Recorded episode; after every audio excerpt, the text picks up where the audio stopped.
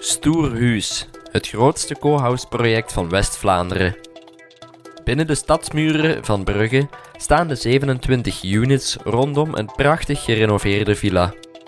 Die villa is het grote gemeenschappelijke huis van het project, het Stoerhuis.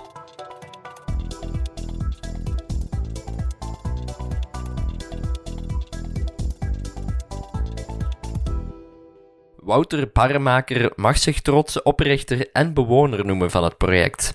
Hij ontvangt ons en de twee andere podcastgasten in deze prachtige villa. Sommige mensen hebben er wel een romantisch beeld van, van co en alles samen doen. Ik ga niet ontkennen dat er daar af en toe wel uitdagingen bij komen.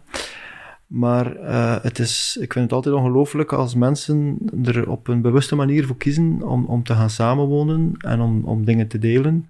De volgende gast is niemand minder dan de architect van Stoerhuis, Frederik Ampe van het bureau Ampe Treiboe. Maar ik denk dat, dat een van de zaken waar we hier toch aandacht aan besteed hebben, is dat iedereen effectief wel zijn privacy heeft. En ik denk dat het veel makkelijker is om iets te delen als de noodzaak, als dat geen uh, noodzaak is. Wouter Lavens is de derde gast. Hij was voor aannemer van den Busche NV, projectleider van Stoerhuis. Mooi aan het project dat er zoveel verschillende vormen zijn en mogelijkheden zijn en ook wel een troef is van het gebouw. Dat toch iedereen ook wel binnenin apart zijn eigen eh, idee heeft kunnen uitwerken of zijn eigen unit, knus-unit heeft kunnen ontwikkelen dankzij de keuzemogelijkheden en de klantenbegeleiding die wij daarvoor gedaan hebben. De vierde persoon achter de podcastmicro is Lisbeth Verhulst. Zij nam het interview af. Mijn naam is Stef Pennemans. Ik stond in voor de opnames, montage en voice-overs. Ten slotte nog een dankjewel aan onze structurele podcastpartner van deze aflevering, Wienerberger. Het mooiste maak je samen.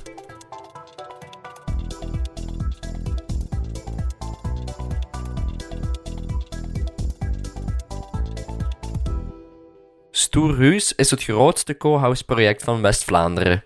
Maar de term co-housing wordt wel eens verward met andere woonvormen, zoals kangeroewoning of zorgwonen. Daarom legt Wouter nog eens uit wat die term precies inhoudt. Co-housing onderscheidt zich misschien wel een beetje van de andere woonvormen in het opzicht dat iedereen wel zijn eigen unit heeft. Dus iedereen heeft hier zijn volledig volwaardige privé-unit met een eigen keuken en eigen sanitair. Maar daarnaast wordt een uh, groot deel of een groot stuk van het leven afgestemd op, uh, op gemeenschappelijk. Dus uh, we zitten hier in onze gemeenschappelijke villa. Uh, waarbij dan we dan gemeenschappelijk kunnen eten, koken. Uh, we zitten hier in, in, de lusterkamer, waar we kunnen vergaderen of naar tv kijken. Dus uh, ik denk dat dat een beetje het verschil is tussen het co-housing en de andere woonvormen. Nu we de term co-housing hebben afgebakend, willen we natuurlijk ook weten waar de naam Stoerhuis vandaan komt. Dat klinkt natuurlijk een beetje West-Vlaams, maar in principe is het heel eenvoudig. Het komt van het Deens, dus het co-housing op zich is ook iets die uit het noorden aan het, aan afzakken is naar, uh, naar, ons, uh, naar onze contraien. En uh, dat komt eigenlijk van Stora Husa. Ik weet niet als ik het goed uitspreek. Mijn Deens is ook niet meer wat dat geweest is. En letterlijk vertaald is dat groot huis. En dan natuurlijk, ja, de villa hier kijkt op onze site, is dat het grote huis. En dat is dan een beetje verbasterd naar Stoerhuis en dan een beetje voor West-Vlaams. En, en zo zijn we bij de naam gekomen eigenlijk. Een prachtige naam voor een indrukwekkend project. Tijd om even terug te keren nu naar de periode waarin Stoerhuis is ontstaan. Het project is eigenlijk al een, uh, redelijk lang geleden ontstaan, in 2012, met een idee. Uh, in Vlaanderen is er een overkoepelende organisatie, Samenwonen VZW. En zij gaven infoavonden. En op een van die avonden was er iemand die hier ook nog woont, uh, Mirjam, de vrouw van Erik. um, die zegt van, oh ja, dat is wel leuk, waarom gaan we daar niet mee beginnen? En zo is, uh, ja, eigenlijk, dat was dan 6 november 2012, het idee gekomen om een co-housing te starten. Um, dan hebben ze een aantal criteria opgesteld, eh, waarbij dat ze wouden hebben dat op uh, fietsafstand van het centrum van Brugge was. Maar ook de intergenerationele mix, waarbij dat er echt wel een, een samengesteld, echt, zo van verschillende leeftijden mensen samenwonen. En zo nog een aantal criteria. Um, en zo is het begonnen. Uh, en de grootste, alle, grootste probleem of grootste obstakel in het begin was het vinden van een, een stuk grond waar dat, dat oppast. Want we hadden ook een redelijk groot project. Uh, dus maar van minstens 25 units. Maar om zoiets nog te vinden uh, in de buurt van het centrum van Brugge was niet evident. Dus uh, dan, zo heeft dat al rap een jaar geduurd dat er een, grond gevonden was. Dan was het al 2014. Uh, op dat moment zijn wij er ook uh, bijgekomen. Um, dus eens dat er een stuk grond was, ja, dan moet je natuurlijk gaan kiezen van hoe ga, hoe ga je gaan bouwen. Moet je een architect gaan zoeken, stabiliteit en dergelijke meer. Uh, voor het vinden van een architect hebben we een architecturenwedstrijd uitgeschreven. Dus aan een hoop mensen een voorstel opgestuurd. waaruit dat we dan één architect gekozen hebben, die hier ook zit. Ik kan daar straks wel zelf erover vertellen. of ik weet als je nu al wilt invullen wat dat eigenlijk tot, stand gekomen is. Um, wij zijn dus inderdaad in juni 2014 uh, eh, betrokken geweest bij het project. Um, en vanaf dan heel intensief betrokken geweest. Dus we hadden inderdaad uh, in het kader van de wedstrijd een eerste, eerste worp gedaan. Um, en dan het geluk gehad om aangesteld te worden als ontwerper. En vanaf dan zijn wij eigenlijk aan de slag gegaan. Um, toen nog niet met 27 bewoners. Ik denk dat er toen een vijftiental waren en dat er nog een tiental open plaatsen uh, waren. En zijn wij eigenlijk aan de slag geweest om uh, een soort totaal ontwerp te gaan maken, waarbij dat we dus enerzijds die collectiviteit bewaren en anderzijds eigenlijk heel individueel met toen die 15 en systematisch kwamen er mensen bij. En in functie van het moment waarop die mensen instapten, eigenlijk ook nog individueel met hen aan de slag te gaan. Dus ik denk dat wij daar als, als je weer het verschil vraagt met klassieke of andere projecten, uh, in dit geval, door het feit dat we eigenlijk dus met individuele bouwweringen gingen werken, um, dat wij heel hard ook een stuk naast ons normale ontwerpwerk, een stuk uh, regisseurswerk erbij kregen, om ergens een soort bewakende functie te, op te nemen tussen uh, het geheel en het individu. En wat waren voor jullie dan de belangrijkste krachtlijnen van, van het ontwerp van het project? Ik denk dat dat, dat eigenlijk net, wat ik juist zei, dat dat net de, de belangrijkste krachtlijn is eigenlijk. Het, uh, het evenwicht tussen uh, het grotere geheel, als architecturaal geheel, maar ook als, als, als ruimtelijk geheel en hoe dat, dat ding werkt. Uh, en dan eigenlijk de heel individuele wensen van die uiteindelijk dan 27 individuele bewoners, gezinnen enzovoort die allemaal hun eigen insteek hebben, die uh, hun eigen accenten leggen, die uh, hun eigen budget hebben, die andere verwachtingen hebben. Um, en ik denk dat daar de grote uitdaging, dat dat ook de grote kracht is van dit project, dat we samen met iedereen erin geslaagd zijn om, om dat op een of andere manier te gaan verenigen in één project. Ja, want het uitzicht als je hier binnenkomt is wel heel gelijkend allemaal. Hè? Maar de woningen individueel, die hebben wel nog een andere insteek dan er is inderdaad gezocht naar, naar een soort uh, rustig totaalbeeld, een soort collectief beeld, een duidelijke identiteit voor het project. Um, maar tegelijkertijd is het ook zo dat er geen één of geen twee units dezelfde zijn. Dus die zijn heel verschillend en die zijn ook uh, verschillend qua ruimtelijkheid, verschillend qua, qua planopvatting, uh, heel verschillend qua oppervlakte. Er zijn er die uh, een veelvoud van oppervlakte van een andere unit hebben. En het totaalbeeld is ergens wel een rustig totaalbeeld. Zij het dat we wel in de materialisatie, als je erop let, dat we heel subtiele verschillen gestoken hebben in die, um, in die verschillende units. Dus die zijn allemaal opgetrokken met dezelfde baksteen. Er is maar één baksteen gebruikt. Maar die baksteen is iedere keer op een andere manier verwerkt. In een ander verband, op een andere manier vermetst. Waardoor dat eigenlijk al die units toch heel subtiel uh, afleesbaar zijn uit de, in de gevel. In het hele project werd dus maar één soort baksteen gebruikt. De keuze ging naar een gevelsteen van Wienerberger. Concreet gaat het om een streng per steen waarbij de achterzijde als zichtzijde gebruikt wordt. De achterzijde vertoont de sporen van het productieproces, waardoor je een natuurlijk beeld krijgt. Het volledige project werd opgetrokken met deze ene gevelsteen. Ze werd wel op verschillende manieren verwerkt, waardoor elke unit binnen het project een eigen gezicht krijgt. En ook voor de dakpannen werd er gekozen voor natuurrode pannen van Wienerberger. We waren op zoek naar een gevelsteen met een, uh, met een kleurtint die ergens uh, aansloot bij wat er in de omgeving uh, te vinden is. Een, oranje genuanceerde steen. En we hebben eigenlijk een steen gekozen waar dat we... Eigenlijk is het zo dat we de achterkant van de steen gebruikt hebben. Dus Wienerberger heeft heel hard zijn best gedaan om een mooie voorkant te creëren. Maar we vonden de achterkant mooier. En daarom hebben we die steen gekozen. En de keuze voor de dakpannen, daar was eerst een andere kleur. De keuze voor de dakpan, dat was inderdaad eerst een andere kleur uh, vooropgesteld. Uh, maar we zitten in de Brugse binnenstad met alle randvoorwaarden die daarbij horen. Uh, en dan is uiteindelijk deze dakpan uitgekomen. De aannemer van het project is dus Van den Boesche NV. Dat verwezenlijkte al een heleboel projecten in Brugge. Maar hoe zijn zij betrokken geraakt bij Stoerhuis? Wij zijn uh, aangeschreven geweest door Stoerhuis natuurlijk. In uh, denk periode 2016 was dat ondertussen al. En uh, ja, natuurlijk in concurrentie met nog andere aannemers. Maar dan zijn we uiteindelijk uh, toch kunnen uh, in zee gaan. Um, denk ook wel dankzij dat we het project bij ons intern, dus we hebben de plannen ontvangen van uh, Frederik. We hebben dan intern ook bij ons, wij werken ook met een studiedienst. Dus we hebben x aantal mensen in dienst die eigenlijk constant bezig zijn met projecten uh, op punt te zetten om te, allee, meetstaten uh, verder te optimaliseren, eventueel naar de klant toe, wat haalbaar is, wat mogelijk is, maar altijd in overleg natuurlijk met architect en bouwer. En ik denk dat we, ja, tenslotte heeft Turus toch gekozen, of uh, voor ons, ik denk ook wel dankzij onze ervaring toch, we zijn ook een klasse 8 bouwonderneming. En ook al wat projecten hier in Brugge, dus ik denk dat we daar, daardoor gekozen zijn. Toch was het ook voor een vaste waarde als Van den Boesche nog een uitdaging. Op welke manier was Toerhuis anders dan een klassieke ontwikkeling? Voor ons was het vooral anders omdat het uh, een architecturaal een heel mooi gebouw is, maar ook een uitdagend gebouw is. Uh, zoals je ook wel merkt, er zijn heel veel verschillende dakvormen. Het is niet gewoon standaard een plat dakconstructie, er zitten heel veel uh, hellende daken in, soms ook verticaal naar beneden met dakpannen. Dus dat maakte het wel moeilijk in die vorm om dat allemaal mooi in elkaar te krijgen. Dus um, omdat je ook natuurlijk ja, stabiliteitsmatig uh, veel nodig hebt om het gebouw recht te houden.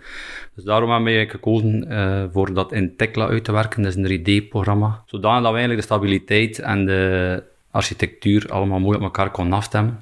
Zodanig dat eigenlijk alles mooi paste. Want we hadden ook nog heel veel uh, ijzeren constructies in de gevel. Dus die moesten ook nog een keer ingepast worden. Die lopen ook mee met de dakhellingen. Dus dankzij de 3D-tekeningen uh, in samenwerking met de staalconstructie en met de uh, onderaannemer van de houtbewerking, en natuurlijk ook veel houtspanten in het gebouw zitten, kwam alles toch uh, tot een mooi geheel. En ik denk wel dankzij die 3D-oefening dat we dat ook zo allee, vlot in geslaagd zijn en vlot kunnen bouwen. Ja, en voor jullie was het ook wel anders, denk ik, omdat er 27 eigenaars Dat was van inderdaad ons uh, ook de eerste maal een uh, uitdaging voor ons om met uh, 27 eigenaars. maar goed, we, alleen is een bouwteam samengesteld geweest, waar dat vijf of zes mensen, eigenlijk iedereen vertegenwoordigd heeft op de algemene vergaderingen. Nu, anderzijds was het natuurlijk wel voor ons met iedere klant apart ook overeen te komen. Maar wij, hebben ook, allez, wij nemen ook klantenbegeleiding op ons.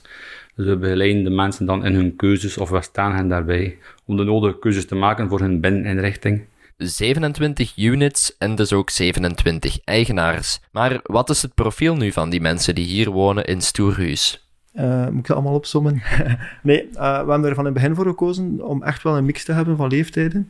Dus ik geloof dat de oude mensen, oudste mensen, die zijn echt al bijna tegen de 80. nee, een stukje uh, voorbij de 70. En de jongste mensen zijn, zijn midden de 20. En alles daartussen eigenlijk gaande van alleenstaande gezinnen met kinderen.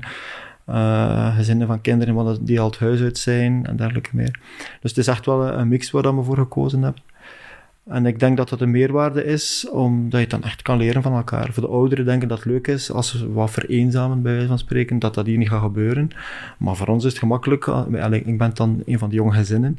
Ja, als wij weggaan, we moeten nooit geen babysit zoeken. Dat is gewoon van, we sturen een berichtje bij wijze van spreken, we zijn weg, kijk even naar onze kinderen.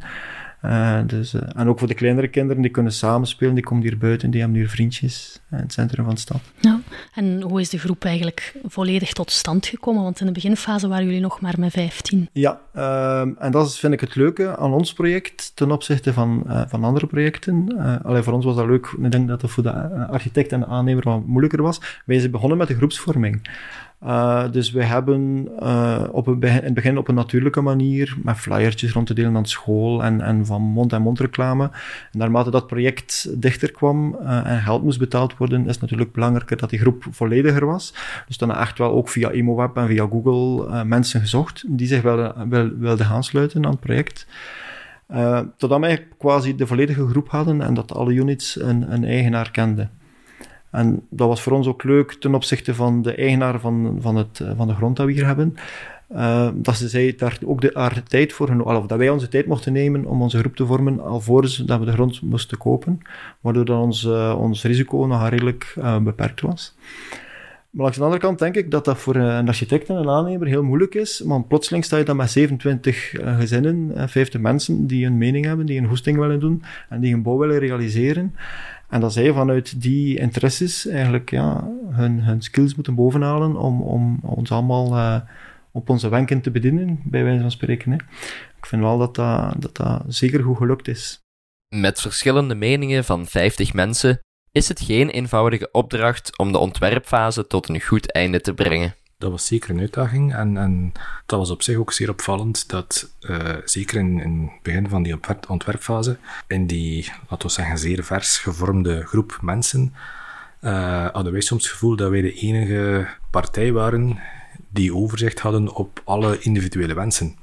En dat er ook wel een aantal mensen waren die dan via ons op een of andere manier toch een aantal wensen probeerden uh, binnen te sluizen in een ontwerp die misschien niet in groep al konden geformuleerd worden op dat moment, waardoor dat wij een soort uh, ja, geprivilegeerde uh, positie plots innamen in die groep, omdat iedereen bij ons te biecht kwam met bepaalde ambities en, en verwachtingen, um, waardoor dat wij eigenlijk een heel ja, goed overzicht kregen van hoe dat die groep samengesteld werd. En eigenlijk een heel goed zicht kregen op de dynamiek van die, van die groep. En uiteraard hebben zij elkaar dan ook veel beter leren kennen en is dat allemaal geëvolueerd. Maar ik vind het wel grappig om te zien hoe dat er een aantal van die initiële zaken die voor ons snel duidelijk waren, van die dynamiek, dat dat dan ook wel door, doorleeft in, in het vervolg van die groep. Um, ik denk ook wel, het was op zich complex om met 27 mensen aan de slag te gaan. Maar ik geloof ook wel dat die kritische massa van, van 27, zijn er nu 25 of 30, of, of dat maakt niet uit, maar, maar dat, dat er bepaalde kritische massa nodig is om, om dit soort projecten uh, leefbaar te houden. Omdat dat maakt dat het geen 27 vrienden moeten zijn, denk ik. Kan ook niet. ik denk als je met drie of met vier uh, een co-housing zou starten, ja, dan moet, je, dan moet je met vier vrienden zijn. Want anders, want op het moment dat er een probleem is, dan staat er één buiten die drie of die vier en dan is er al een probleem. Uh, als, er, als je met 27 bent, dan denk ik dat die, dat die massa voldoende kritisch is om een aantal discussies op een of andere manier zijn weg wel te laten vinden. Co-housing draait natuurlijk om gedeelde ruimtes. Bij Stoerhuis zijn dat vooral de villa en de daarom liggende tuin. Hoe zijn deze in het project ingepast? Um, wel, ik denk dat ze eerst en vooral in de, in de buitenruimte ingepast zijn. Dus dat, uh, dat de buitenruimte gedeeld wordt. Ik denk dat misschien nog even terugkomt om de vraag van daar straks, wat dat de krachtlijn van het project is. We hadden het toen over het evenwicht tussen collectiviteit en individualiteit. Ik denk dat een andere krachtlijn ook wel is dat dit een, uh, wat ons betreft een, een heel genereus project is. Dat dat eigenlijk echt deelt. En dat niet alleen deelt intern, maar dat ook deelt naar de buurt toe. Um, dus eigenlijk in de buitenruimte is er meest en vooral een eigenlijk een park ook gecreëerd, wat eigenlijk publiek is, dat als gevolg van dit project uh, publiek gemaakt wordt. Laten we zeggen dat dat de, de eerste deelfunctie uh, is, of de eerste deling geweest is. Dan is er een heel centrale tuin, collectief voor alle bewoners, waar rond eigenlijk alle woningen georganiseerd zijn. er is uiteraard ook deze bestaande villa die er stond, die gerenoveerd is als, als collectieve ruimte, waar er ook een aantal toevoegingen aan gebeurd zijn met ateliers, met de uh, werkruimtes en in de villa's in de slaapkamers, logeerkamers, uh, gemeenschappelijke eetplekken. Maar daarnaast denk ik zijn er in het project of in de architectuur ook een aantal uh, kleinere, minder opvallende zaken inge, ingeslopen. Um, waardoor dat er eigenlijk door de organisatie en door de koppeling en de schakeling van de woningen ook ruimte is voor ontmoeting. En dat er eigenlijk op zeer verschillende plekken extra hoeken, kanten ontstaan, waar dat er plaats is voor, voor kleine ontmoetingen, voor kleine, um, kleine zaken die daar kunnen gebeuren, zonder dat dat 100% gedefinieerd is. Um, dus ik denk dat op dat vlak dat, een, dat er een soort generositeit in die, in die architectuur gebracht is. Ja, is dat ook iets wat uh, de bewoners hier uh, aanvoelen? Dat is inderdaad, geen Frederik zegt zo, die, die kleine microcontactjes, dat is echt wel iets die, die de co-housing maakt. Dus uh, je kan natuurlijk af en toe grote activiteiten samen organiseren. Zo wordt er af en toe uh, vergaderd met z'n allen, of, of gaan we gaan koken met z'n allen. Maar het, de leukste momenten zijn als er gewoon iemand WhatsApp stuurt van ik ga even iets gaan drinken in de villa, wie komt er mee? Of wie gaat er gezelschapsspelletjes spelen? En zo ontstaan er eigenlijk uh, toffe momenten en toffe contacten met de bewoners. En ik denk dat dat echt wel verschil maakt tussen een co-housing en een, een andere woonvorm. Met de villa als centraal punt heeft Stoerhuis een prachtige gemeenschappelijke ruimte. Maar dat vereiste ook wel wat renovatiewerken. En dat is altijd een uitdaging. Um, de villa is niet geclasseerd, dus hij was op zich niet beschermd, maar is uiteraard wel beeldbepalend op de, op de site. Um, hij stond ook redelijk centraal op de site. En het was van het begin ook de, een uitdrukkelijke ambitie om, om hem te behouden. Um, en om ook ervoor te zorgen dat in heel de financiële oefening die moet gemaakt worden, dat elk van de 27 bewoners zijn budget rond moet krijgen om, om zijn woning te, te kunnen realiseren.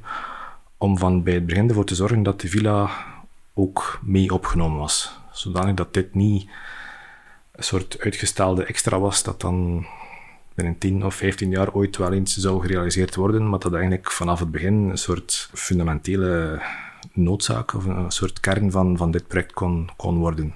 En zijn jullie op vlak van ontwerp en de uitvoering dan nog op bepaalde uitdagingen gestoten? Ja, zoals een beetje al aanhaal natuurlijk, de complexiteit van de, de constructie. Dus daar hebben we wel uh, veel besprekingen ook over gehad. Er zijn ook veel inpande terrassen die dan normaal overdekt zijn eigenlijk. Niet gewoon uh, een plat plafond, maar eigenlijk mee met de dakhelling, dus met halve beplating. Dus heel veel detaillering die aan bod gekomen is om het project tot een goed einde te brengen. Uh, ja, natuurlijk, het project heeft ook een eindje geduurd, maar we zitten natuurlijk iedere week uh, daarvoor ook samen op de werkvergadering. Anderzijds natuurlijk ook de verschillende metswerkverbanden, zoals al aangehaald, waren ook wel een uitdaging en uh, allee, een verder goede voorbereiding om het allemaal correct uit te voeren. Dat we daar zeker niet uh, fout, uh, foutief bezig waren. En ja, in welke opzichten is het dan voor jullie ook een duurzaam project? Is daar ook speciaal aandacht aan de technieken bijvoorbeeld besteed? Um, daar is uiteraard aandacht aan besteed. Er wordt hier gewerkt met een collectieve uh, stookplaats. Wat dat op zich een, een, ook iets is wat gedeeld wordt. Dat is dan iets wat dan minder zichtbaar is, maar eigenlijk is dat ook al iets wat dat eigenlijk bijna in TNA van dat co-housing zit, maar dat natuurlijk ook in duurzaamheid een, uh, een rol speelt. Het was wel zo dat uh, een aantal zaken op technisch vlak in zaken duurzaamheid, uh, dat ambitie, bepaalde ambities niet volledig zijn ingevuld, omwille van budgettaire beperkingen. Maar persoonlijk denk ik dat ik wil duurzaamheid van technische installaties niet, uh, niet in vraag stellen, maar dat, dat de duurzaamheid van dit project in het ruimtegebruik zit en in de manier waarop het er samengeleefd wordt. Uh, en een volgende stap is uiteraard isolatie en uiteraard technische installaties. En er is ook heel veel aandacht aan besteed. Maar de, de fundamentele duurzaamheid zit in de manier waarop dat er hier omgegaan wordt met ruimte en, en, en hoe de mensen hier kunnen samenleven. Vlaams bouwmeester Erik Wiers is pleitbezorger van het wooncollectief, zoals hij het zelf noemt. Is de woonvorm, waarin we meer en meer gaan delen, de woonvorm van de toekomst? Ik ben echt wel een, uh, een fervent co-houser, ik ben echt wel fan ervan. Ik ga niet, allee, sommige mensen hebben er wel een romantisch beeld van, van co-housing en alles samen doen. Ik ga niet ontkennen dat er daar af en toe wel uitdagingen bij komen.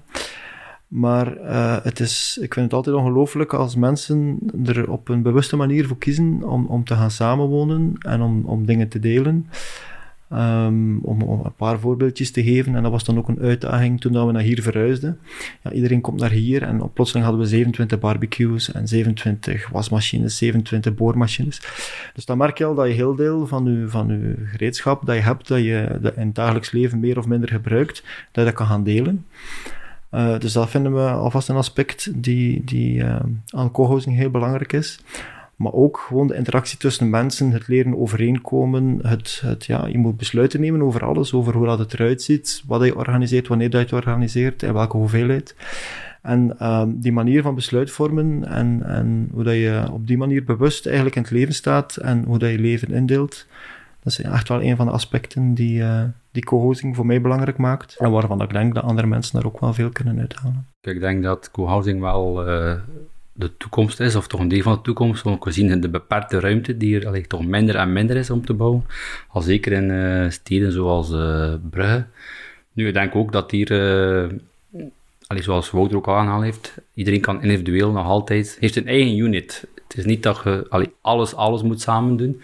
Iedereen heeft ook de mogelijkheid, heeft apart, als hij dat wenst, een wasmachine. Allee, die, kan, die moet niet altijd naar de centrale plaats komen kunt je ook nog even terugtrekken als je wenst. Maar ik, ik ben zeker overtuigd dat zo'n projecten uh, meer en meer in de toekomst zullen opduiken. Ja. Gezien de beperkte ruimte. Ik, ik, denk inderdaad dat de toekomst per definitie een, een, een verhaal zal zijn van meer delen. Uh, zodanig dat er ook, dat open ruimte kan, kan gevrijwaard worden. Wat dat we hier zelfs in de binnenstad hebben kunnen doen. Um, de manier waarop er gedeeld wordt, dat zal waarschijnlijk verschillend zijn van project tot project. Ik kan me voorstellen dat co-housing niet voor iedereen weggelegd is en dat er hier een aantal mensen heel bewust kiezen om effectief uh, zowel wasmachine als boormachine uh, achter zich te laten. Um, maar ik kan me ook voorstellen dat er een aantal tussenvormen zijn waarbij dat er wel op een slimme manier met ruimte en, en, en buitenruimte omgegaan wordt. Um, die heel kwalitatieve woonvormen uh, kunnen opleveren. En die er dan misschien op termijn toe leiden dat mensen denken van oké, okay, misschien heb ik mijn boormachine dan toch niet meer nodig. Zonder dat dat een soort voorafname is om, om in een collectief project te gaan, te gaan stappen. De Vlaming staat nogal bekend om erg gesteld te zijn op zijn privacy. Zijn we daarom al wel klaar om de stappen richting collectieve woonvormen te zetten? Maar ik denk dat, dat een van de zaken dat we hier toch aandacht aan besteed hebben, is dat iedereen effectief wel zijn privacy heeft.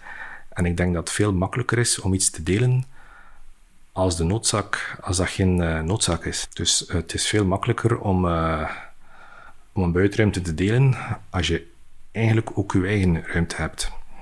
Als je je eigen ruimte niet hebt, dan wordt het zeer vervelend om ruimte te delen, omdat er geen alternatief is. En dan is dat vanuit een soort noodzaak en misschien dan straks ook een frustratie dat die ruimte moet gedeeld worden. Um, maar als uw eigen ruimte minder groot, maar wel kwalitatief is, uh, dan denk ik dat de stap om ruimte te delen veel vanzelfsprekender wordt. Ik kan daar zeker bij aansluiten. Uh, zeker in aanloop naar het project hier, keer dat die, die realisatie van de bouw dichter kwam, uh, zochten we zo manieren om elkaar beter te leren kennen. En één, één vorm daarvan was dat we een dagboekje mochten invullen en dan elk op zijn week mochten doorgeven. En ik denk, ik was bij iedereen, kwam van waar ben je bang voor? Ja, dat is dat ik niet genoeg privé ga hebben. Uh, en dus dat is zeker al van in het begin hoe aangegeven dat iedereen duidelijk zijn privé heeft. En dat is wel heel belangrijk, want dat die zeker kunnen realiseren. Dus in principe, als je geen zin hebt in co-housing, bij wijze van spreken, en je kruipt in die unit, de deur dicht, en je zit op je eigen, je kan even tot rust komen. Van het moment dat je zegt van, ja, ik heb wel wat zin in wat meer uh, verbinding met andere mensen, kom buiten en je kan direct met iemand beginnen babbelen of iets, of iets doen. Dus dat is echt wel uh, heel leuk. Veel co-housing projecten of nieuwe woonvormen stoten op juridische obstakels, zoals vergunningen. Was dat bij Stoerhuis ook het geval? Co-housing op zich is, is, een, is, een, is een woonvorm. Um, en op vandaag vallen we nog onder uh, de appartementseigendom. Dus je hebt zo, als je in een appartement woont, je je zo'n syndic die eigenlijk het gebouw is en, je zit daarbij aansloten. Uh, maar hier is dat wel een probleem, omdat je, langs de ene kant is er veel meer collectief, dus die bedragen die daarin circuleren, uh, als er uitgaven zijn, zijn veel groter.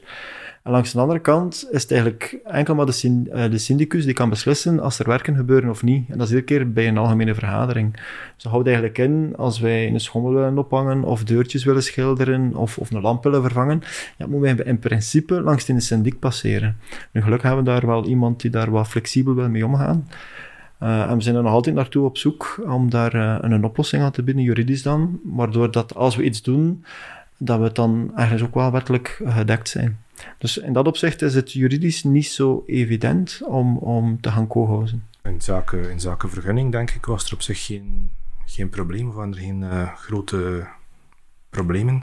Uh, eigenlijk is dat vergunningstraject vrij snel gelopen. Uh, ik denk, wij zijn erbij gekomen in juni 2014, ik heb het hier opgezocht. En er was een vergunning in juni 2016, wat eigenlijk twee jaar later is. Wat voor 27 individuen ongelooflijk lang lijkt. Die zouden raden dat dat veel, veel korter is. Maar wat dat voor dit soort project, uh, met die complexiteit in de Brugse binnenstad, met alles wat daar rond en bij hangt, eigenlijk ongelooflijk snel is. Zo'n groot project op zo'n korte tijd verwezenlijken is geen evidentie. Daarom kijken de betrokken partijen met trots terug op de sterktes van het project. Een van mijn dromen was ooit om in het centrum van Brugge te wonen. Uh, op voorwaarde dat, ik, uh, dat alle kinderen, ik heb er drie, uh, een eigen kamer hadden en dat ik voor mijn deur kon parkeren. Ehm, we hebben hier het geluk dat we ondergrondse garages hebben. Dus hieronder het project zijn er nog een keer 40 garages gerealiseerd. Wat ook geen evidentie was in het centrum van Brugge, denk ik. Ik ben geen aannemer. dus dat heb ik alvast gerealiseerd. Maar om daar dan ook tegelijk uh, eh, 26 andere gezinnen bij te krijgen, waarbij dat je wel op zich al één iets van interesse deelt, zijnde het samenwonen. Maar langs de andere kant nog zoveel kan van leren, dat is echt wel ongelooflijk. Zowel voor mij persoonlijk als voor mijn kinderen. Uh, mijn vrouw zal het ook wel hebben.